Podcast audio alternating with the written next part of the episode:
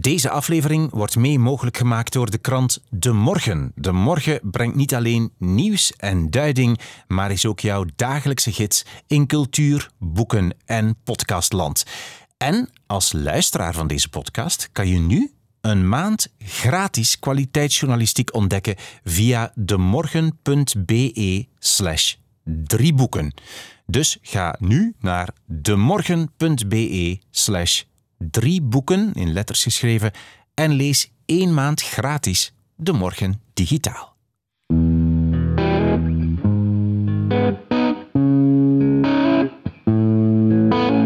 Ik ben Wim Oosterlink. Welkom bij de podcast Drie Boeken, waarin ik boekenliefhebbers vraag naar de drie boeken die wij volgens hen moeten gelezen hebben. Vandaag is mijn gast Mohamed Ouamari. 29 jaar, hij schrijft columns en heeft recent een boek gepubliceerd, Groetjes uit Vlaanderen, waarin hij de afgelopen 30 jaar in Vlaanderen vertelt vanuit het standpunt van een Marokkaanse Antwerpenaar en moslim. Naast zijn schrijverschap werd hij als zelfstandig grafisch vormgever en digitaal marketeer. Eigenlijk is hij bekend geworden door een Twitterbericht, maar dat hoor je straks wel in deze aflevering. We hadden afgesproken thuis op zijn appartement in Antwerpen, waar we samen in de zetel gingen zitten om over boeken te praten, terwijl zijn vrouw in de kamer ernaast aan het studeren was. Ons gesprek ging over Willem Elschot, over zijn eerste ervaring met racisme en over hoe belangrijk de bibliotheek was voor hem in zijn jeugd. Alle boeken en schrijvers die we noemen in deze aflevering vind je op de website wimoosterlink.be onder het kopje podcast drie boeken. Je kan je daar ook abonneren. En dan nu, veel luisterplezier met de drie boeken die je moet gelezen hebben, volgens Mohamed Ouamari. Toen ik dat boek schreef, um, heb ik uh, wel gezocht naar een manier om iets nieuws te vertellen. Ik denk, wij hebben al, ik ben 28 jaar ondertussen, wij zijn begonnen met uh, Zwarte Zondag in 1991, daar ben ik begonnen met mijn boek, uh, tot in 2019. Dus dat was 28 jaar opgroeien Zwarte, op Zwarte Zondag, dus we hebben denk ik al honderden discussies gehad over uh, diversiteit, racisme en hoofddoeken verboden en noem maar op, noem maar op. En dan denk, denk ik dat je een beetje het het overzicht verliest. En dat je dan het, de, de grote verhalen, de grote actualiteitsverhalen wel regelmatig ziet opkomen en terug weggaan. Maar de menselijke kant denk ik dat dat toch wel een beetje naar de achtergrond verdwijnt. En ik herinner mij, ik ben vorig jaar op uh, schrijfresidentie geweest met de buren. Dat is zo'n project waar ze dan 18 jonge schrijvers um, meenemen, van, allez, Belgische schrijvers, Nederlandse schrijvers, um, naar Parijs. En dan gaan ze daar twee weken schrijven. En dan krijg je ook wat coaching van uh, ook gevestigde namen, schrijvers. En uh, Livie Joris, uh, journalist, vertelde toen ehm, dat je op zoek moet gaan naar de onderstroom van je verhaal. Um, en wat wil dat zeggen? Um, dus je hebt de grote gebeurtenissen. Dus dat is een journaliste die op zoek gaat naar grote verhalen in Afrika en in, in, over de wereld. Ze heeft heel de wereld gezocht, maar wij kennen de verhalen, we kennen de burgeroorlogen, we zien dat in het nieuws, maar je moet op zoek gaan naar hetgeen dat er net onder zit. En dat zijn die persoonlijke verhalen in verbinding met die grotere verhalen. En dan op dat moment, want ik was toen begonnen net aan mijn boek, en dan vond ik dat zo inspirerend en zei ik van, dat moet ik echt doen. Dat was hetgeen waar ik naar op, toe, naar op zoek was. Uh, mijn verhaal het op, um, ja, proberen af te toetsen tegenover die grote verhalen die iedereen kent. Dus de, als ik het heb over die rellen op de Turnhoutse baan, Iedereen kent die beelden misschien nog wel van een Abu die neus aan neus staat met zo'n Luc Lamin, de politiecommissaris toen.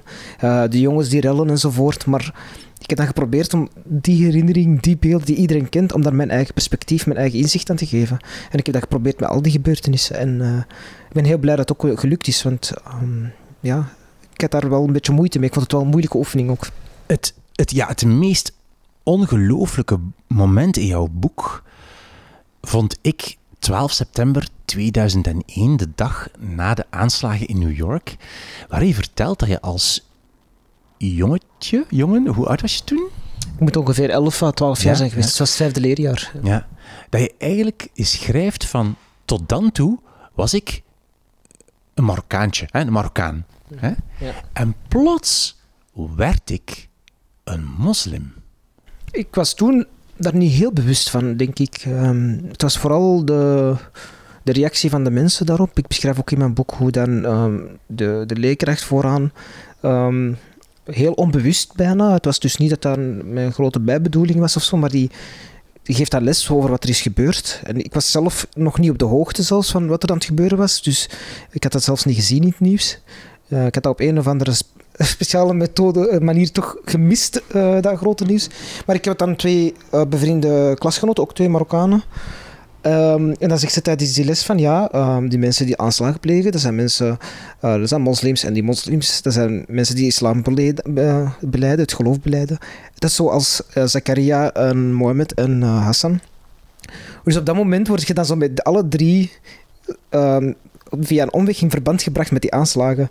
Terwijl wij begot niet wisten van wat is Al-Qaeda, wat is Saudi-Arabië, wat is... ja, het waren geen... Ja, het is de je zou kunnen zeggen, die mensen, dat zijn Saudi-Arabiërs, dat waren Arabieren en wij zijn Marokkanen. Als je gaat kijken naar Marokko, Saudi-Arabië, hoeveel kilometer afstand dat ertussen zit, dat is eigenlijk niet, dat is, daar hebben we weinig mee te maken, bij wijze van spreken, maar wij delen wel die, die, die moslim. En dat was genoeg voor die leerkracht om te zeggen van, dat, dat is een zin. En dan krijg je al die ogen natuurlijk op jou. En, um, maar, die toewijzing, dat is bijna eigenlijk wat er in de hele wereld gebeurd is. Hè, ja, dat was echt op micro, microschaal. Maar het is geen uniek verhaal. Ik denk, eh, als ik het heb met mijn vrienden ehm, of uh, andere, zelfs andere auteurs die daar ook over schrijven. Iedereen heeft een 9-11 moment gehad. Iedereen weet wat er... Ik denk dat heel veel mensen weten waar ze waren op dat moment. Of wat, ze kunnen dat heel helder herinneren. Ik weet niet hoe dat bij, bij u was. Um, maar bij ons, iedereen weet wel wat er toen uh, hoe jij erop gereageerd heeft, hoe dat, welke effect dat op heeft gehad. Dus het is echt wel een heel groot kantelmoment geweest. Minstens twee van jouw drie boeken die je gekozen hebt voor vandaag, die cirkelen ook rond het um, migratiethema, immigratiethema. Uh -huh. uh, gaan we direct naartoe. Eerst nog even zeggen, misschien gaan sommige mensen dat nog weten. Jij bent bekend geworden door een Twitterbericht. Het was niet de mooiste dag van je leven, maar dat moet je misschien nog eens vertellen. Ja, dat was in 2015, als ik me niet vergis. Ik denk dat dit jaar vijf jaar geleden is. Ik was, uh, ik was toen een zelfstandige ondernemer, hè? Allee, zoals zelfstandige student, dus ik was al bezig met freelance terwijl ik aan het studeren was. En dat was zo'n uh, VOCA-achtig jongeren-evenement um, in een bankgebouw in Antwerpen. En dan word je uitgenodigd en dan ga ik er naartoe met het idee van, netwerken. Hè? Dus ik ging er ook alleen naartoe, ik wil nieuwe mensen leren kennen, heel, heel naïef van mij. En ik kom daar dan aan en dan helemaal exact wat je kan verwachten van een VOCA-evenement. Dus uh, allemaal strak in het pak en mooi georganiseerd, mooi gebouw. En ik voelde me al een beetje zo de vreemde eend in de bijt. En um, ik ga dan in die zaal zitten. Het was een beetje een soort van theateropstelling. Een grote zaal, ik denk 200 man dat daarin kan of zo. 200, 300 man als ik me ging schatten. En uh, ja, er gebeurt er. Er is er de eerste spreker. En die was niet zo heel interessant, vond ik. Dus wat doe ik als je vervelend ben ik wel te tweeten en ben ik wat grapjes te maken. En ik zeg, ik ben op dat netwerkevenement. Uh, heeft er iemand goede netwerktips? En dan reageert daar iemand op... Uh, ik zeg dan, ja, sorry. Dus ik zeg, heeft er iemand goede netwerktips? Ik reageer daarop. Vervolgens nog een tweet erop. Um, laat Allahu Akbar roepen is geen goede ijsbreker, zeker.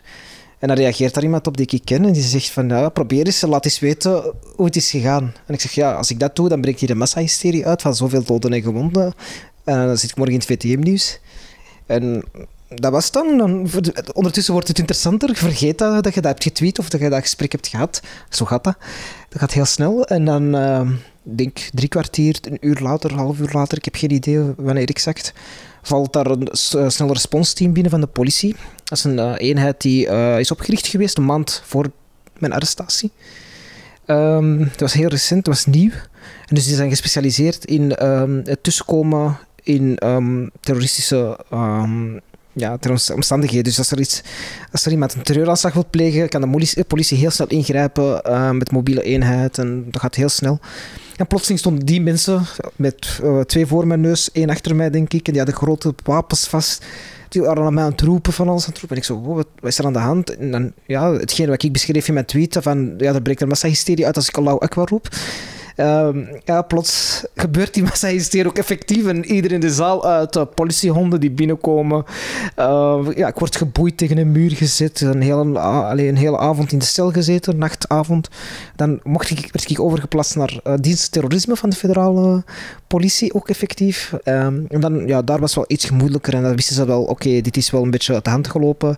Stom. En dan, ja, dag erna zit je voorpagina nieuws en VTM Nieuws, journaal, uh, noem maar op, gezegd. gestoord. Uh, omwille van twee tweets die een beetje het verkeerde context zijn getrokken. En dan krijg je er heel veel kritiek op. Hè? Zo, mensen die zeggen van, ja, dat is een, bom, een bommelding.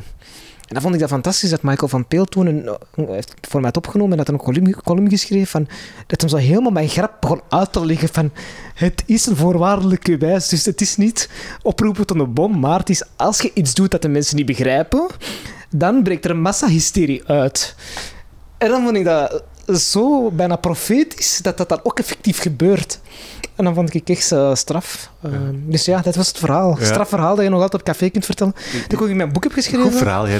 En, maar wel ook, de eerste keer zeg je in je boek dat je met racisme geconfronteerd werd. Ja. Voor jezelf. Ik kan dat eerlijk uh, zeggen. Van, ik durf wel eens te zeggen, oh ja, racisme. Ik, ik ben wel eens op straat een keer uitgescholden geweest voor vuile makak of, of ik weet niet wat, maar dat is denk ik niet het echte racisme zoals we het kennen. Het racisme gaat meer over gediscrimineerd worden op school, gediscrimineerd worden op de arbeidsmarkt. Het gaat niet per se over een micro, een persoon die iets zegt tegen mij waardoor ik beledigd ben.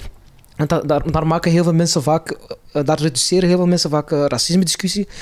Maar ik ben altijd um, in een, ik noem het een beetje een stedelijke bubbel opgegroeid. Ik ben in Antwerpen opgegroeid. Dus um, er is al een soort van uh, gewenning aan diversiteit aan, aan, aan multicultureel samenleving. Dus de scholen waar ik naartoe ging, ik heb altijd wel wat geluk gehad misschien, maar er waren altijd heel goede scholen uh, waar ik me altijd thuis heb gevoeld, waar ik uh, altijd mij omkaderd heb gevoeld, waar ik ook heel goed onderwijs van heb genoten. Um, ik heb me nooit moeten solliciteren in principe, want um, ik ben zelfstandige, dus daar heb ik ook nooit echt uh, ervaren dat ik geen kansen kreeg omwille van mijn naam of uiterlijk of wat dan ook. Uh, daar telt enkel uw offerte en uw factuur. Dus dat is dan, ja, de centen tellen, niet de, niet de mens. Dat is wel typisch aan het zakelijke. Dus ja, het was echt de eerste keer dat ik. Um, omwille van mijn uiterlijk, omwille van mijn naam, omwille van uh, wat ik zeg, of om, allee, dat ik echt daardoor ben geviseerd geweest. Dus dat etnisch profileren, het was de eerste keer echt um, dat is me wel heel, uh, heel hard bijgebleven ook. Ja. Um, we gaan eens naar boeken gaan. Hè. Ja. Uh, toen je bij je ouders of bij je moeder uh, woonde, waren er eigenlijk boeken in huis toen je klein was? Oh nee, ik denk het niet. Um, goh, ik herinner me nog wel eens dat we. Um, mijn ouders zijn gescheiden en vlak na onze scheiding zijn we terechtgekomen in een studio, een kleine studio. Um, was met één slaapkamer waar we dan ook allemaal samen sliepen. En uh, dat was zo achter, alles was zo achtergelaten, was ook bemeubeld. En ik weet nog dat er een hele hoop boekjes waren enzovoort. Dus die boekjes heb ik dan ook altijd overal meegenomen, die jeugdboeken. Uh, mijn volgende appartementen en studio's waar we zijn gaan wonen. Dus dat waren jeugdboeken? Ja, dat waren vooral jeugdkinderboeken. Hm. Um, dus dat, dat was zo ik heb wel heel veel stripboeken gehad. Dus ik had een, een, tante of een, uh, haar man, die werkte op het containerpark en daar komen daar regelmatig um, boeken en strips en zo. En die nam dat mee en die gaf dat mij, omdat ik wel heel veel strips las en zo. Maar echt zelf bezit hebben van boeken is nooit echt gehad, maar wel natuurlijk de bibliotheek. Hè. Ik denk... Uh, dat dat het mooiste was wat ik in mijn jeugd heb gehad. Dat we dat hebben... Ge uh, allee, dat, ons bibliothekennetwerk, vroeger zeker, was fantastisch. Ik had een bibliotheek in de lagere school waar ik naartoe ging. Um, dan ben ik naar het Kiel verhuisd. Dat is hier in de buurt. Had ik een bibliotheek ook op wandelafstand. En dat was echt, ja, ik kon daar elke, elke week boeken gaan ontlenen. Strips gaan ontlenen tot maximum toe en dan mee naar huis nemen. Ook magazines bijvoorbeeld, vond ik ook altijd leuk om te lezen. Um, het is echt gewoon later, nu, nu dat ik wel werk en dat ik, zo, dat ik boeken ben beginnen kopen maar vroeger in mijn jeugd was dat niet, ja, werd dat niet echt gedaan. En waarom zeg je dat dat het meest fantastische was? Had je daar toen al zo'n nood aan of behoefte aan om te lezen? Ja, ik ben iemand die... Uh, ik heb een uh, redelijk strikte opvoeding gehad van mijn moeder. Mijn moeder wilde niet dat ik um, rondhang, rondhing op straat. Dus ik mocht wel voetballen op pleintjes en ik mocht wel wat buiten komen en zo. Maar um, dat was heel, heel begrensd. Dus ik had momenten dat ik wel opnieuw naar buiten mocht. En dan moest je thuis zitten. En dan... Ja, het is ook niet dat ik had, ik had zo'n hele oude Nintendo, denk ik. ik zo'n Super Nintendo. Ik weet niet of je die kent, of je die kasten nog, die uh, cassettes erin moet steken, nog zo moet blazen. En uh, we hadden dat ooit op de kop getikt, denk ik, op een rommelmarkt of zo. Dat had ik nog wel, maar dat, ik ook, dat was ook begrensd. Daar mocht ik ook niet veel op spelen. Dus wat moet je dan anders doen als je niet op de Nintendo mocht? Je mocht niet buiten spelen. Ja, dan moet je wel boeken lezen, strips lezen vooral. Dat, was echt... De Kiekeboes, ik heb die allemaal gelezen. De Jommekes, de Suske en Wiskes, de Blauwblouse. Ik vond dat de beste strips, de Blauwblouse. Dat was echt mijn favoriete strip. Um, ik heb er nog ze. Uh, ja, ik ben daar gewoon... Ik denk dat ik heel de bibliotheek alle strips heb ontleend. Je, je spreekt van de ehm, bibliotheek in je lagere school. Dat was de Wereldschool? De Wereldschool, de wereldschool. Ehm, en daar, daar was ook, dat schrijf ik in je boek, daarom weet ik het, daar was echt de Nederlandse taal ook super belangrijk blijkbaar. Er werd heel veel aandacht aan besteed, klopt dat? Dat is echt. Um, ja, ik, ik, beschrijf die wereldschool. Dat was een, je moet je voorstellen, ik zat in een klas um, met geen typisch, allee, klassiek Vlaming. Ik zeg altijd klassieke Vlamingen. Uh, met de klassieke, de, de, klassieke Vlaming, dus die, dus die, zat er, die zat er niet met mij in de klas. Dat was, um, ik denk, uh, 70% Turks, uh, 20% Marokkaans en 10% nog iets anders. Um, dus dat was echt een heel, dat was tussen haakjes een concentratieschool. Maar als je denkt aan een concentratieschool, dan denk je meteen aan slecht onderwijs. Of dat denk je aan een laag niveau. Maar daar deden ze echt hun best om iedereen mee te krijgen. Dus dat was dan niet de klassieke methode van, ja, hier is informatie, steek het in jullie hoofd en uh, ga maar naar huis en huiswerk. Nee, dat was echt op een hele goede methodiek meegegeven. En um, daardoor, door aandacht te geven aan bijvoorbeeld um, onze thuis, thuistaal, er werd uh, Arabisch gegeven op de school. Maar er werd tegelijk ook heel veel aandacht gegeven aan de Nederlandse taal, zelfs meer, zelfs bijna heel streng. Waardoor dat je je voelt je thuis, je weet, is dat streng, maar je weet dat goed voor je is. Maar als je niet wordt gerespecteerd en je, wordt wel bezien als een soort van tweede rangsburger of een tweede rangsfiguur, en dan moeten ze tegen u komen zeggen van, je moet Nederlands leren, je moet... Dat, dat werkt zo niet. Dus ze hebben heel hard dat bij liefde meegegeven, bij Nederlands. En ik denk dat dat iets is dat mij heel hard is bijgebleven, waardoor ik ook um, een heel sterke woordenschat um, aan over heb gehouden. Ik denk dat dat echt zeker... Um, misschien niet, alle, misschien niet allemaal, maar toch daar uh, is dat gevormd geweest. Voorleesouders, verplicht boeken lezen, um, echt bezig zijn met taal. Dus de directie wist van, we hebben hier veel kinderen die thuis geen, allee, thuis geen Nederlands spreken, ik nu wel. Um, maar we moeten daar hier dan ook extra op inzetten, maar op een goede manier. Um, dus het was wel interessant om te zien hoe ze daar toen al heel, op een heel goede manier keken naar, die, ja, naar die problematiek die er uh, toen ontstond. Weet je nog hebt al strips genoemd. Weet je nog andere boeken die je las? Ja, ik denk Toen? Mark de Bel. Hè. Mark de Bel vooral. Dat is de klassieker. Um, het grappige is ook, ik las graag um, Baantjer. dat is misschien grappig. Maar dat was, vol, uh, dat was voor volwassenen. En normaal mocht je dat niet ontlenen als, als, als min 16 jaar of zo. Maar dan had er wel iemand achter de, achter de balie die dat dan wel meegaf. Van die klasgraag, allee, zo de detective thrillers, Jeff Gerards, heb ik ook veel gelezen. Um, maar dat was wel iets later, denk ik dat ik 13 was, 12, 13. Um, en dan nog ah, de typische jeugdboeken, maar ik ben heel... De boeboeks, ja, dat, is, dat is ook Mark de Bel. Ach, ik, ik, heb nog wat boeken, maar het is me allemaal ontgaan. Maar vooral ook non-fictie, ik denk dat dat ook altijd... Um, is, dat ik ook veel heb gelezen. En ook sportvoetbalmagazines bijvoorbeeld. Ook de knaks, dat heb ik ook allemaal meegepakt. Dus het was niet per se dat ik um, de kinderboeken las of zo. Ja. Dat was um, eerder, ja, breder interesse. Is jouw interesse voor schrijven toen ook al begonnen of was dat pas later? Uh, ik was altijd wel goed in taal, in, allee, zeker Nederlands. Maar het is nooit echt dat ik heb gezegd in mijn, dat ik ooit Nederlands, allee, dat ik ooit boeken zou schrijven of dat ik ooit columnist zou worden of wat dan ook. En ik denk uh, ook, ja, je weet ten eerste dat dat niet bestaat. Hè. Je weet niet dat mensen worden betaald om stukjes te schrijven voor in de krant. Ik vind dat nog altijd ook heel raar. Als kind denk ik niet, ik wil later columnist worden of ik wil schrijver worden. Dat was iets dat niet in mijn leefwereld bestond. Um, ook middelbaar, um, in mijn eerste twee jaar heb ik nog een ASO-opleiding gedaan. Dat was moderne wetenschappen. Vond ik niet, eigenlijk Nederlands niet zo tof. Er werd ze op een heel technische manier weer ook aangebracht. Dus uh, de, alle regeltjes en, enzovoort. Dus niet dat dat met een bepaalde ja, passie werd gegeven of zo. Dus dat, daar wijd ik dat ook aan. En ga ik verder door mijn carrière. Dan heb ik chemie gaan studeren. Dus daarna, dus van moderne wetenschap naar overschakeld naar chemie. Maar dat was een TSO-opleiding. Een hele goede opleiding. Um, maar um, daar werd vooral wiskunde, fysica, chemie ik denk dat ik uh, eh, 25 uur chemie per week kreeg of zo. Dus er werd daar heel veel de nadruk op gelegd, op wetenschappelijke vakken, maar dan taal, aardrijkskunde, geschiedenis enzovoort. Dat werd dan verwaarloosd. Uh, film, bij wijze van spreken film kijken en... Uh, dus dat waren zo'n uh, lessen. Ehm, dus dat was wel jammer. Dus ik heb heel veel taal gemist in mijn, mijn middelbare schoolcarrière. Het is pas wanneer ik um, rond 2012 heb geëxperimenteerd met, met bloggen en zo, dat ik ben beginnen schrijven, dat ik wel merkte van, ah, ik heb wel iets in mijn vingers zitten, dat misschien door de jaren heen heeft zich ontwikkeld. En dan ben ik dat beginnen ontwikkelen op mezelf, als autodidact. En ja, plots vier, vijf jaar later schrijft een boek. Ik ben de naam van jouw blog vergeten. Beards en, of mm, en Beards, was jouw... Beards and Camels. Beards and Camels was jouw blog, maar hij bestaat niet meer, hè, nu? Nee, dat bestaat niet meer. Uh, ik schaamde mij voor de teksten die toen online stonden. dus uh, heb ik dat allemaal weggedaan. Maar ik ben ook zo iemand die niet echt zo op herinneringen of op aandenkens gesteld is. Dus ik heb het ook allemaal verwijderd. Dus ik heb ook de, de teksten en zo dat ik doe, ik heb niks meer. Dus ik, hou graag, ik heb zo het idee graag van die vergankelijkheid. Ik vind dat heel interessant. Van, uh, toen was dat iets, ik heb dat allemaal nu gewist en ik moet dat niet meer lezen. Dus uh, ik vind dat wel goed. Goed. Gaan we eens kijken naar uh, de drie boeken die je gekozen hebt. Ik heb gevraagd om drie boeken te kiezen waarvan je vindt dat iedereen ze moet gelezen hebben. Mm -hmm. ja. Wat is jouw eerste boek? Laten we beginnen met Camus. En, maar ik heb wel gezegd, ja, ik wil uh, De Vreemdeling. Dat is een wereldberoemd boek, een van de meest bekende boeken uit de literatuur.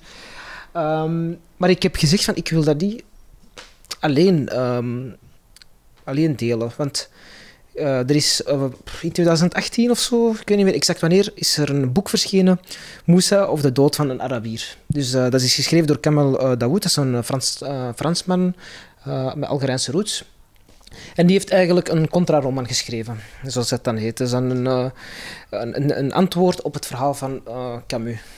Dus als je, ik weet niet, de mensen die Albert Camus niet hebben gelezen, die Vreemdeling niet kennen, dus ik denk dat. Ik ga er niet van uit, maar dat is toch wel een boek dat heel veel mensen hebben gelezen. Maar het gaat over een, een Fransman in de koloniale tijd in Algerije. Um, en Merceau heet die mens. En die schiet um, op een zonnige dag een Arabier dood. Dus dat is een beetje het verhaal. En, um, en die dood is eigenlijk, wordt dan meer een beetje neergezet als bizar, als uh, zinloos, want er was geen echt grote aanleiding buiten in het boek beschrijft hij zich als ik werd verblind door de zon en daarom schot ik hem dood. Dus is heel absurd en heel, heel um, zinloos. En dan komt er een proces uh, en wordt hij veroordeeld. En um, het is vooral heel interessant om te zien in dat proces dat geen enkele keer de Arabier bij naam wordt genoemd. Of dat het proces um, het slachtoffer naar voren wordt geschoven. De Arabier is precies een soort van nevenpersonage in dat proces, terwijl hij het slachtoffer is. Of, en dat vooral um, de band met de moeder, want hij heeft dan ja, zijn moeder wat verwaarloosd enzovoort, dat de rechtbank zegt tegen, tegen de moordenaar dat hij bijna meer wordt veroordeeld omdat hij een slechte zoon is geweest dan dat hij een Arabier heeft vermoord. Dus dat is dan De Vreemdeling in een notendop. Heel sterk boek en ik heb dat pas dit jaar gelezen, uh, vorig jaar gelezen.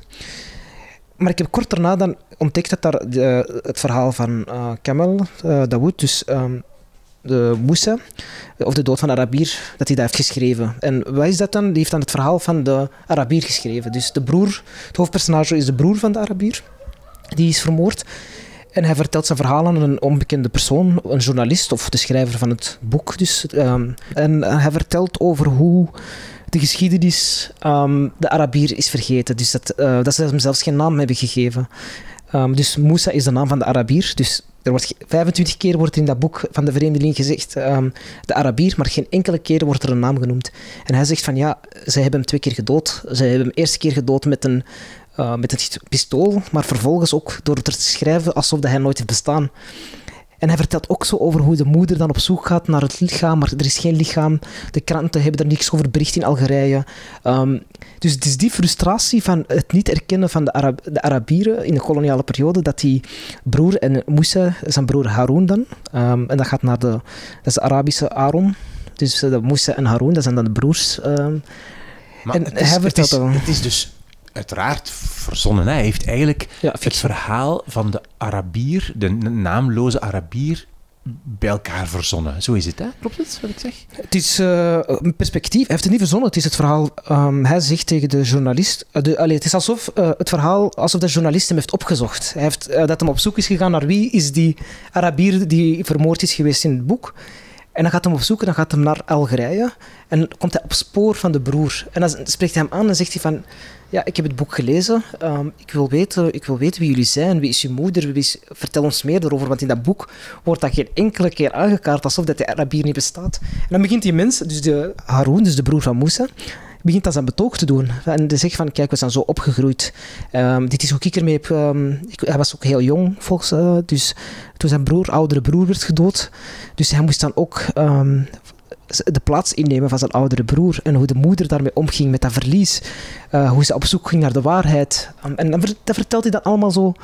En die mensen, dus die Haro, is ook heel cynisch. En, ehm, bijna, ja, als je het, leest als een oude man aan de, aan de toog van een café die verbitterd is en ehm, ja, het is, het is vooral ook het verhaal van de decolonisatie. Het is helemaal in de, achter, ehm, helemaal in de achtergrond van de, ehm, de onafhankelijkheidsstrijd van de, Alge, van de Algerijnen tegen de Fransen.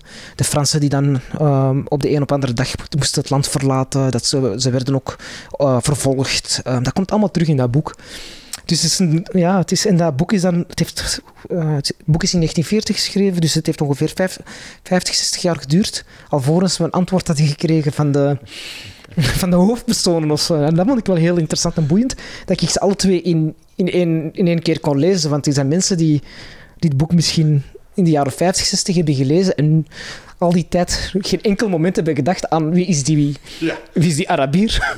Ja, ja, ja, ja, maar zo mooi en pijnlijk. En, maar heb je, heb je het boek van Camus nodig om dat van uh, Zeker wel. te lezen? Ja. ja, daarom dat ik zeg, het is een, het is een één boek. Je kunt niet het boek van, van Camus Um, dat is de grootste kritiek. Het kan niet op zichzelf staan. Of het is niet correct dat dat op zichzelf staat. De manier hoe. De, het is heel schrijnend uh, om te zien hoe dat Franse perspectief, dat koloniale perspectief in dat, in dat verhaal zit. En hoe het Arabische perspectief gewoon helemaal wordt weggevaagd. Uh, zoals Camus schrijft bijvoorbeeld over. Um, over enkele vrouwen, Arabische vrouwen, of een, dat ze prostituees zijn, dat hij denkt dat dat prostituees zijn. Maar hij zegt van, moest hij zegt, um, Haroon dan, uh, zegt in zijn boek van ja, wie zegt dat dat prostituees en waarom gaan jullie daar zo van uit? Waarom kijk je daar zo op neer? Um, dus dat is heel interessant. Er is gewoon een heel gat dat is opgevuld geweest. Um, en dat vind ik ook weer dat, idee van, dat we misschien terug naar het begin van ons gesprek gaan, dat die perspectieven heel belangrijk zijn. Dus je kunt wel weten een bepaalde zaken, de gebeurtenissen kennen, maar als je de andere kant niet kent, zoals jij gezegd van ik ben altijd zo 28, 28 jaar heb jij ook meegemaakt, maar je hebt dat niet gezien vanuit mijn bril. En dat doet dan nu een heel boek. En vind ik um, echt een groot aanrader. Dus vooral de mensen die dan de vreemdelingen hebben gelezen, kunnen echt niet dat anders dan moesten ook de dood van een Arabier te lezen. Verplicht. Ja. Uh, hoe ben jij er, er zelf op gekomen? Heeft iemand jou dat verteld? Van, ah, dat moet je lezen. Of heb je dat ergens ontdekt? Of hoe is dat gegaan bij jou? Ik heb dat eerlijk gezegd gewoon aan de hand uh, van um, gevraagd van ik wil eens een tip, heeft iemand een goede tip voor mij? Want ik wil mezelf ook ontwikkelen als schrijver. Um, ken hebben jullie boeken die een beetje passen bij mijn schrijfstijl? Ik heb dat echt gewoon open, open gevraagd. En toen heeft iemand mij dat aangeraden, De Vreemdeling. De Vreemdeling, hè? Ja, ja. ja, En heb je zelf dan uh, Moussa ontdekt? Dan heb ik dat gedeeld van, oh, fantastisch boek. En dan is er iemand anders die zegt, ja, maar als je dat boek kent, dan moet je ook uh, het andere verhaal kennen. Dus hetgene wat ik nu doe, heeft iemand anders ook bij mij gedaan. En, en, is, dat, is dat Twitter dat je bedoelt? Ja, dat is gewoon op Twitter open, open de vraag stellen en dan komen er antwoorden op. Ik vind dat fantastisch. Uh, het is heel, heel leerrijk. en ik doe dat vaak bij al mijn boeken. Van, jullie weten wat ik graag lees of jullie weten hoe ik schrijf. Ik vind dat heel leuk en ik wil me daar... Ja, als je je ontwikkelt, dan gaat je je spiegelen aan de schrijvers waar je naar opkijkt. Maar het probleem is, ik, heb heel die, ik ben geen Germanist of ik, ben, ik heb nooit klassieke talen gedaan of ik weet niet hoe wat die opleiding heet of in welke opleiding je hebt gezeten. Ik weet alles over chemie en over digitale media en zo, dus dat zijn de opleidingen die ik heb gestudeerd, maar ik ken niks van literatuur. Dus ik heb een heel grote achterstand opgelopen. En dat vind ik echt oprecht jammer. En dan moet ik het maar doen met... Ja, mensen, jullie kennen een beetje wat ik leuk vind en wat denken jullie dat ik moet lezen? En dan wordt het een beetje erdoor geleid en dat helpt wel goed. Uh, en vooral, ik denk dat het, het ding bij Camus is, dat cynische en uh, het absurde. Dat is echt iets dat ik um, ongelooflijk hard van hou. Dat is echt mijn... Ja, ik, ik leef daarvan. Echt um, de. Ja, bijna de, de absurde, de... de, de het, ja, ja, de, de, de, Belgische ook. Het, uh, ja, René Magritte, dat, dat, wil ik echt zeggen. Het absurde vind ik fantastisch. Ja. Uh, houd je eigenlijk bij wat je leest? Dus je zo een lijstje en op je computer of, of opgeschreven of op online dat je daarbij houdt? Ik hou echt, nee, dat ben ik, ik ben zo georganiseerd, ben ik helemaal niet. um, wat mij heel veel ook wordt uh, professioneel verweten vaak. Ik ben, uh, de, ik ben de fantastische denker en dromer en uh, doener, maar vraag dat niet op een gestructureerde manier te doen met lijstjes en zo, of met verslagen, ben ik verschrikkelijk in. En... Um, want als je me vraagt welke boeken heb je ooit gelezen, ik heb dan echt, ik kan dat onmogelijk terug naar boven halen. Ik van, ah ja, ik heb toen wel eens een goed boek gelezen of ik heb toen eens een goed boek gelezen. Maar echt effectief gaan zeggen welke lijstjes ik heb bijgehouden, helemaal niet. Ja. Daarom dat ik graag boeken koop, omdat ik weet dat ik ze dan heb gelezen, omdat, ze, omdat ik ze thuis heb liggen. Oké, goed. Dus deze podcast gaat eigenlijk ook wat je de afgelopen twee weken gelezen hebt. Ja, ja, Oké, wat is het tweede boek dat je gekozen hebt? Uh, laten we in het thema blijven. Ik denk, uh, als we het, het manifest van de migrant, immigrant. Um, ik zeg dan niet dat dat is. Dat is. Ik zeg het wel dat je het absoluut moet lezen, maar Times Magazine heeft vorig jaar gezegd dat het een absoluut uh, must-read is. Uh, geschreven door Suketu uh, Mehta. Um, is, een, um, is eigenlijk een Brit met Indische afkomst die nu in de VS woont. Oké, dus het is een, een Indische migrant die op jonge leeftijd naar, naar Groot-Brittannië verhuisd is. En dan in Amerika um, terechtkomt. En hij vertelt, dat is een non-fictieboek, dus geen roman. Um, hij maakt vooral, als ik moet samenvatten in één verhaal, beschrijft hij vooral waarom vandaag mensen migreren. Um, en het idee van, ik heb het net over de kolonisatie gehad in Algerije en de onafhankelijkheid in de jaren 60. Al die landen, Afrikaanse landen, worden zogezegd onafhankelijk. Maar hij zegt die kolonisatie bestaat nog. Dus kolonisatie is niet voorbij. Dat is een proces dat nog gaande is vandaag, maar gewoon in andere vormen. En die mensen die van, vandaag um, de, dus vluchten uit hun land, um, gaan eigenlijk... Dat is eigenlijk door die kolonisatie nog steeds. Door de huidige kolonisatie, dus vooral economische kolonisatie, het geld dat uit die landen stroomt, die volgen ze eigenlijk gewoon. En hij heeft een fantastisch boek geschreven uh, met heel veel cijfers, met heel veel... Uh, hij haalt alle clichés weg, al, met echt gewoon met heel duidelijke feiten. En wat uh, interessant maakt, dat boek, is dat hij, als hij beschrijft over een situatie in bijvoorbeeld Guinea, dat hij daar ook een persoonlijk verhaal aan koppelt. Dat hij dan ook een verhaal vertelt van een echte Guinees die dan een, boottochtje, allez, een boottocht neemt tussen Marokko en Spanje en hun verhaal vertelt van hun perspectief. Hij maakt dat heel menselijk. Hij zoekt de mensen op achter die cijfers die hij deelt. En hij laat u wel op een andere manier kijken naar hetgene wat we weer dagelijks in het nieuws zien. Um, dus dat is echt een super interessant boek. Is het voor jou ook een inspiratie om zelf dit soort werk te maken? Ik, ik voel me eerlijk gezegd ook minder aangetrokken um, om zo'n werk te maken. Want ik denk, die wat hij doet, um, is een resultaat van denk, jarenlange werk en onderzoek en een heel slim geschreven boek. Um, ik zou dan denk ik niet... Ik, zeg, ik heb ook eens in een interview, interview gezegd van, als je me vraagt, wil je nog eens een non-fictieboek schrijven? Dan uh, heb ik gezegd, ja, ik kan dat niet, want alles wat ik wist heb ik in dat ene boek van mij gestoken, Groetjes uit Vlaanderen. Um, als ik nu nog iets extra wil doen, dan zal ik wel, um, ja, moet ik wat bijstuderen of moet ik of toch iets meer moeite doen dan gewoon putten uit mijn eigen verhalen. Um, ja, ik moet zeggen, het is een one-trick pony bijna, dat boek. Het is een one-shot en ik heb het allemaal gegeven. Het moest goed zijn. Als, dat slecht was, dan... Uh... Ik, ik, denk dat jij een beetje bescheiden bent. Ik denk dat jij een beetje bescheiden bent. Nee, wat, wat ik fantastisch vind, Tom van Grieken, die zegt altijd, de globalisering... Uh, het is een nieuwe breuklijn. Dus de winnaars van de globalisering en uh, de verliezers van de globalisering. Uh, ik geef hem daar gelijk in. Dus ik ben het eens met Tom van Grieken, dus van Vlaams Belang, voorzitter. Hij zegt van ja, de mensen die um, vrij kunnen reizen, die rijk zijn, die laptops van die, ja, MacBooks kunnen kopen en um, in, een, in, stad wonen en zijn heel tevreden met die multiculturele samenleving, dat zijn de winnaars van de globalisering. Dus wij kunnen um, het vliegtuig nemen, op reis gaan. Multiculturele samenleving is fantastisch. Maar je hebt de verliezers volgens hem, zijn dan de, de Vlamingen die het dan niet kunnen doen. En die dan een, um, een, vreemdeling tussen haakjes naast zich heeft wonen. En daardoor zijn zij de verliezers van de globalisering. Dus daar ben ik het niet akkoord mee, over wie de verliezers echt zijn. De verliezers zijn de mensen die vluchten.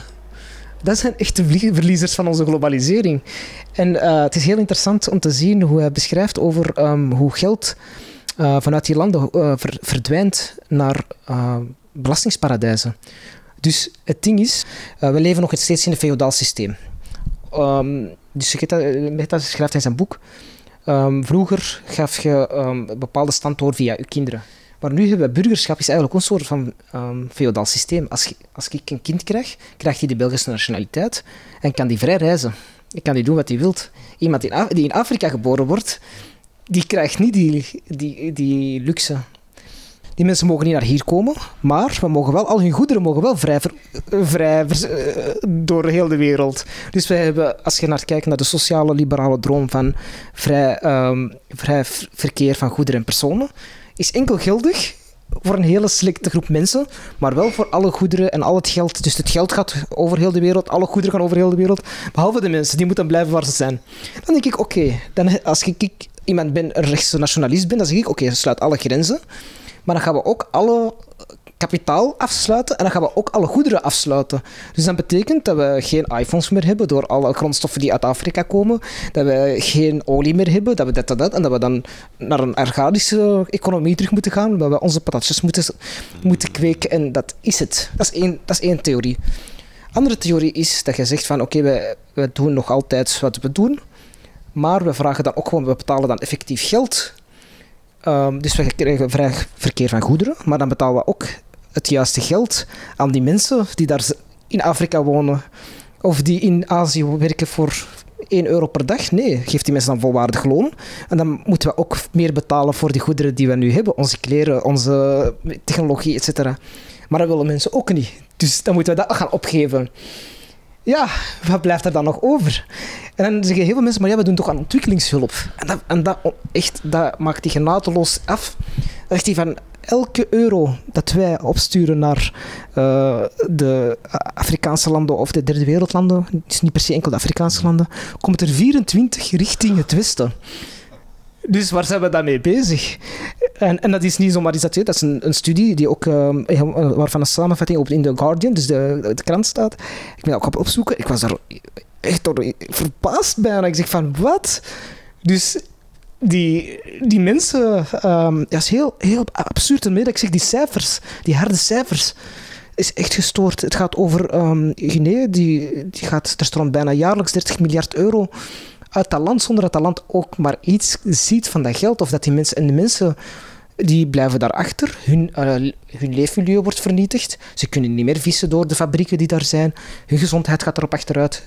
Dus dat is hetgene, de theorie die hij zegt. Van kijk, die mensen, zolang dat er um, het kapitaal en, um, en de goederen vrij bewegen, gaan mensen zich ook gaan ze achtervolgen. Dat is heel logisch. En daarom, en dat heeft mij dat boek heel hard zo... Ik wist dat al langer allemaal, maar dat vertelt dat allemaal zo heel gestructureerd. En eh, over alle, alle soorten migranten in Mexico, in uh, Azië, het verhaal tussen India en Pakistan. Waarom dat daar... Dat was vroeger... India, Pakistan, dat kennen wij. Dat bestond vroeger niet, hè. Dat, dat, is gecreëerd door de Britten. Dus dat is een land. Nu haten die elkaar, die mensen, terwijl het eigenlijk bijna één volk is. Um, en daar zitten nu echt lijnen tussen getrokken. En heb je daar keihard problemen. En dan zegt nu, en dan gaan we terug naar de racisme-discussie van vandaag. Ja, het Westen, ja, maar dat racisme en de kolonisatie bij ons wel toch voor verontschuldigd. Maar dat was toch iets van vroeger. Dat is niet van vroeger, dat is nog brandend actueel. En dat boek, dat is zo goed, zo sterk, dat dat nog eens even die ogen doet openen van... Oké, dit zijn de feiten. Je kunt er niet naast. En we moeten naar een, andere, naar een andere wereld. En hij beschrijft ook van, ja, we moeten naar een rechtvaardige wereld. Dus dat betekent inderdaad, als wij um, enerzijds dus bedrijven die hun geld verstoppen in, in, uh, op de Cayman-eilanden of alle andere verschillende belastingsparadijzen. één, dat moet echt gewoon, dat is on, ondenkbaar dat dat, kan blijven duren. Dat er geen eerlijke belastingen worden betaald. En twee, we moeten ook eerlijk gaan beginnen betalen voor de goederen en de. Ja, dan moeten de, ja, daar moeten we echt gaan beginnen een eerlijke prijs voor betalen. Voor 5 euro naar Barcelona vliegen dat is een catastrofe voor het klimaat, dat weer een effect heeft op de klimaatverandering en dat heeft weer effect op de graanoogsten enzovoort en dat heeft weer effect enzovoort enzovoort. Dus het hangt allemaal samen. Maar dan vraag ik aan de mensen om daar heel duidelijk eerlijk over te zijn. Dus als je zegt van ik wil gesloten grenzen, dan zeg ik oké, nu gaan we moeten kiezen. Ofwel, ofwel gesloten grenzen, ofwel open grenzen, maar dan betalen we iedereen fair. Maar de manier hoe we het nu willen, um, gesloten grenzen, maar kapitaal en goederen mogen binnen en buiten, dat doen we niet. Dat, dat vind ik uh, dat is een heel hypocriet verhaal. Of dan ga je dat wel erkennen, zoals we het nu doen, maar dan blijf je wel erkennen dat je een koloniaal systeem hebt dat is gewoon een heel duidelijk en eerlijk. als je nu zegt van kijk, wij, en ik, ik, reken me daar ook toe bij. Ik, ik woon ook in dit systeem, ik draag daartoe bij. Ik ga dan ook zeggen, ja, ik ben dan ook, een kolonie, ben ook onderdeel van dit koloniaal systeem. Wij koloniseren de wereld. En dat moet je durven erkennen of veranderen. En dat is heel die discussie van vandaag over het racisme en de Black Lives Matters. Dat is denk ik nog een, een deel dat ik toch wel een beetje onbelicht vind of zo. Van die zelfreflectie. Ja, Wauw. sorry, hele lange uitleg. Nee, maar heel vu- mooi, vurig pleidooi voor dit boek. Amai. ja, echt. Ja. Het is een fantastisch goed boek. Ik heb Ja. het zelfs niet goed eh, beschreven, denk ik. Dus alsjeblieft, eh, neem de tijd om het eens goed te lezen. Het is heel goed gedocumenteerd, als je ziet. Eh, dit, zijn- dit is de bronnenlijst. Dus dat is, heel dit zijn allemaal bronnen. Amai, dus ja, je toont, allemaal- nu, je toont nu toch een eh, aardig deel van het boek. Ja, inderdaad. Het, is, het is echt een supergoed onderbouwd boek. Dus het is niet dat ik met complottheorieën bezig ben of zo. ehm, klinkt zo wel. Of dat ik een activistische inslag... Dit is echt heel sterk geschreven. Het heet Manifest van, de, van een, Van een immigrant. Ja, van Suketu Mehta. ja. Ehm, heel goed, dat was jouw tweede boek. Wat is jouw derde boek? Wat is het derde boek dat je gekozen hebt? Iets helemaal anders. Ehm, Kaas van Willem Elschot. Dat Eh, valt er wel een beetje buiten hè, bij u, vergeleken met die andere twee. Waarom Kaas van Willem Elschot? Omdat ik dat recent heb ontdekt, ook na een type. En eh, zo'n fantastisch verhaal. Waarom? Omdat dat zo eenvoudig is. Ehm, omdat ik nu net kom van heel zware problematieken en eh, dingen, heb ik toch gezegd van ik ga er toch wel eens een, een, een meer luchtiger boek in steken. En ehm, Willem Elschot is zo'n schrijver waarvan ik hou, waarvan ik hou omdat hij ehm, die zegt zoals het is. Het is heel eenvoudig geschreven, maar dat is juist heel moeilijk. Ehm, ik denk dat het moeilijkste is om, als je iets wilt vertellen, om dat op een eenvoudig... Ik merk dat nu al, ik moet een hele uitleg doen, maar ik heb heel veel zinnen gebruikt, maar ik weet niet of ik het goed heb overgebracht. Ehm, maar die doet dat echt met een dun boekje, vertelt een verhaal over een, eh, een man, een ambtenaar aan de Antwerpse haven. Geschreven in de jaren 30 speelt dat zich af. En ehm, die man wordt ja, is een simpele mens, typische werkman, echt een Antwerpenaar die zich verplaatst doorheen de stad met de fiets. En eh, hij komt een beetje terecht in wat, ehm, na de dood van zijn moeder, in wat ehm, elitaire kringen. En hij laat zich overhalen om een kaashandelaar te worden. Dus ik weet niet of je het zelf hebt eh, heeft gelezen. En ja, hij begint dan... hij begint dan een operatie die eigenlijk een beetje als van tevoren al als een slecht idee zou kunnen beschouwd worden. Maar hij is zo'n beetje te beschaamd om zijn fout toe te geven. Want hij- wordt er echt letterlijk ingeduwd van iemand die zegt van kijk, je moet nu kaashandelaar worden. En hij, zegt, hij is een beetje te- te beschaamd om nee te zeggen. En hij zegt oké. En hij brengt zich constant steeds meer in nesten. En op zo'n heel herkenbare manier. Dus zo gewoon door af en toe iets... Als hij nee had gezegd, was er was dat, was verhaal af. Hij had gewoon perfect te zeggen, wil je kaashandelaar worden? En hij had nee gezegd, dan was er geen probleem geweest. Maar hij komt in situaties terecht. Ik vond het fantastisch hoe hij een paar pagina's lang schrijft over hoe hij zijn bureau moet inrichten. Ehm, en dat is echt klassiek ondernemen. Eenmaal dat je een btw-nummer aanvraagt en je wilt een zelfstandige worden, dan verliezen ondernemers zich vaak in het maken van een logo, briefpapier bestellen, ehm, ja, eh, de website en netwerkevents um, enzovoort enzovoort. En je zit daar zoveel tijd in dat je zelfs niet bezig bent met je zaak echt uitbouwen, dus het verkopen van je product. En dan begint hij te beschrijven dat hij dan plots ziet dat dat echt een onmogelijke onderneming is. En op het einde um, stopt hij er ook gewoon mee. En is het verhaal gedaan en gaat hij... Ah ja, het grappige is natuurlijk dat hij... Um, ziekteverlof neemt op het werk om ondernemer te worden. Dus die moet ook constant verstoppen voor zijn baas en collega's. Op, in Antwerpen rondlopen in de hoop dat niemand hem ziet. Kaas verkopen in de winkels. Um, met zijn broer is een dokter. Dat was, die heeft hem een, uh, een voorgeschreven, waardoor dat hij... Um, ja, waardoor hij dan kan ondernemen, terwijl hij dan nog toch zijn job kan behouden in de haven. Fantastisch verhaal, omdat ik me daar zo hard in herken. Ik heb echt zo... Ja, ik herken me echt in zijn verhaal. Dus dat is zo... Is een verhaal in de jaren, in de jaren 30 geschreven, maar als ik het nu zou herschrijven, zou ik dat perfect opnieuw... Ik ben ook zelfstandige ondernemer en ik ben verschrikkelijk... Ik heb het al in het begin van het gesprek gezegd, ik ben verschrikkelijk met uh, administratie en met, uh, alleen met uh, alles wat ik maak met meer um, organisatorische. Hè? En daar ben ik verschrikkelijk slecht in. En door gewoon... Ik ben ook heel slecht in nee zeggen. Dus ik zeg ook heel veel ja op dingen waarvan ik, ik niet wil doen. En uh, dat heeft mij heel vaak zuur opge opgebroken, maar echt serieus zuur opgebroken. Dus elke, elke keer dat, dat hij dat een bepaalde beslissing nam, dacht ik, ik zou deze ook hebben gedaan. Op een gegeven moment belt er een um, belt de groothandelaar waar hij de kaas vandaan afneemt, belt hij aan bij zijn thuis. Um, en om, om af te rekenen, maar hij heeft nog niks verkocht. Dus die verwacht dan zijn geld te krijgen, die, die groothandelaar. Maar hij durft de deur niet te openen. En hij verstopt zich voor die, voor die op een heel um, onnozele manier, echt achter het gordijn. En kijk je zo naar buiten, is hij er nog? Dat is, dat is zoiets dat ik ook zou kunnen doen. Ik zie me daar echt te beschaamd om, om, om die mens voor, uh, voor ogen te komen en te zeggen, ja, het is niet gelukt om een fouten toe te geven. Dat is echt... Um, dat zegt me heel hard in dat personage. Echt ongelooflijk. Ook zo dat... Hij, hoe hij het beschreef, dat is zo... Ja, het is heel herkenbaar. Ook heel eigen tijd. En hoe hij er ook in slaagt om een heel eenvoudig personage, een gewoon een simpele mens, om dat zo'n groot verhaal te geven. Zo'n aantrekkelijk verhaal ook. Terwijl het echt gewoon gaat over iets heel... Ja, het was nooit saai. Het is, gewoon geen saai verhaal. Maar dat moet kunnen. Je moet gewoon een... dat is alsof dat je onkel iets heeft meegemaakt en die heeft een boek geschreven over hij naar de winkel gaat of zo. Maar het is zo geschreven dat je zegt, ik wil, wow, ik wil blijven lezen. Ik heb dat denk ik op een, een indruk... Ik denk twee keer heb ik moeten lezen of zo. Maar dat was omdat ik dan andere dingen te doen had of zo. Maar ik kon het niet wegleggen. Dat is gewoon een doorlezer. En dat is ook iets... Willem Elschot is heel Antwerps. Um, dus dat is ook een beetje omdat ik me ook heel Antwerpenaar voel. En als ik schrijf over mijn boek, dat Antwerpse identiteit ook heel hard bij mij zit. En is dat ook zo ook een beetje voor mij een rolmodel of zo. Um, dat ik zeg van oké, dat is ook iemand waar ik naartoe wil opkijken en wil, uh, wil nastreven of zo. Die, die, die eenvoud en die op zoek gaan naar dat heel menselijk. Want wij hebben net die vorige boeken geschreven. Dat zijn ook weer heel zware onderwerpen. Maar ik hou echt van die eenvoudige verhalen. Vind ik heel leuk om uh, te lezen. En ik hoop dat ik dat ook, um, als ik verdere stappen zet in mijn schrijverscarrière, wat ik ook hoop te kunnen doen, waar ik ook heel hard voor wil werken, dan dat ik dat, dat, ik dat ook ga kunnen. Alleen niet dat ik dat volledig ga kunnen zoals hem, maar dat is toch wel...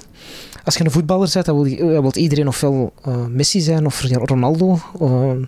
niet iedereen wil Ronaldo zijn. Ik, niet iedereen wil Messi zijn, maar ik wil wel Elschot zijn als het gaat over schrijven. Maar, maar ik ga het nooit kunnen waarschijnlijk. Maar betekent dat ook dat je graag uh, fictie wil schrijven? Daar, ja, zeker. Um, daar heb ik, ja, ik heb het al gezegd, als het gaat over non-fictie. Ik, ik voel me daar heel beperkt in. Ik voelde me al heel beperkt in dit uh, boek. Um, qua kennis, ja, je moet heel veel research doen. En um, ik, gewoon heel hard op je geheugen spelen. Van, ah, toen was er dat, toen was er dat. Maar als ik echt ja, nog meer wil vertellen, dan heb je toch wel wat meer... Ik, ik, hou ervan dat er echt iets onderbouwd is. Dus ik wil niet zomaar eens schrijven omdat ik denk dat ik het weet. Dan moet het echt wel goed onderbouwd zijn. En dan misschien in de verre toekomst misschien nog iets dat ik ga doen. Maar fictie, ik vind het creëren van, van werelden ook wel heel interessant. Ik heb heel veel fantasie. Um, daar wil ik heel veel mee experimenteren. Of het gaat lukken, weet ik niet. Maar um, ik ben wel bereid om daar uh, heel veel tijd en werk in te steken. Zeker. Als je leest, lees je dan hier in de zetel of ergens anders? Ik vind het heel moeilijk om thuis te lezen. Dus um, ik lees het liefst in de, in de trein. Dus toen uh, de lockdown um, werd afgekondigd en we thuiswerk zijn overgeschakeld, was dat verschrikkelijk voor mijn uh, leestempo. Ja, dat was echt... ja, voor veel mensen is dat goed geweest voor het lezen. Nee, voor mij niet. niet. Nee, helemaal niet. Ook, ik lees ook heel graag op, uh, op café of op een ding, op een, in een koffiebar. Ga je dan echt zo soms gaan zitten lezen? Ja, dus ik ga dan een koffiebar, dus ik daar drie, vier uur en dan lees ik gewoon een boek met een koffie erbij. En dat gewoon, thuis lukt me niet zo goed, ik denk. Ja, niet de beste atmosfeer, omdat ik voor... Ik werk ook thuis, ik denk dat dat misschien ook daarmee te maken kan hebben. Dat ook voor mij uh, thuis is ook vaak een werkomgeving, waardoor dat ik niet alles kan afzetten in mijn hoofd. Maar als je dan ergens anders terechtkomt, dan kun je even echt ontspannen. Ja, ja. Wat staat er nog in jouw boekenkast? Mag ik eens gluren? Ja, zeker. Wat staat er nog in? Wacht, ik heb nog van alles. Ja, ze zijn uh, wel verspreid door heel het appartement. Oh ja, ik zie de chef Gerardsen daar al staan. Ja, dus uh, dat heb ik allemaal gelezen. Ja, en, uh, ook heel veel ja, geschiedenisboeken met wereld, Franse... Ja, Tweede Wereldoorlog, 20e eeuw, wereldbrand, ja wat. Amai. Leonardo, Leonardo bio, de biografie van Leonardo da Vinci zie ik staan. Dat is nog van mijn wetenschappelijke tijd. Arno Grunberg. ja, ook een fantastische schrijver. Daar ben ik ook een heel grote fan van. Ik heb de, de, eer gehad om tijdens die schrijfresidentie vorig jaar uh, ook, hij was ook een van de coaches, uh, allee, uh, ja, ook een sessie gehad voor hem. En hoe, was hij? Fantastisch. Ja, uh, hij was zo komen vertellen over zijn embedded. Dus dat hij echt zo embedded gaat, dat hij um, echt zich helemaal in een onderwerp ondergraaft om daarover te kunnen schrijven. Dat zou ik ook wel willen doen. Um, vind ik fantastisch. Ja, zeker. Heel goede schrijver. Ja. Uh, Harari met Sapiens staat erop. Dat zit vooral... Uh, ja, dat is heel veel non De geschiedenisboeken zijn van mijn vrouw. Nou, is... ja, ja, mooi, mooi, mooi. Okay. Ik heb even nog wel boeken, maar ze zijn allemaal zo verspreid in verschillende kasten. heel hartelijk bedankt voor jouw tijd. En, ehm, Bedankt om naar hier te komen ook. Nee, nee, uh, voor de drie boeken. Boeken voor het enthousiaste verhaal. Dank je wel met jouw boek, met jouw eigen boek. Ja, dank je wel. Allemaal lezen. Ik zou zeggen aan de mensen, probeer het toch te lezen, dat ik, uh, dat ik het niet voor niks heb geschreven.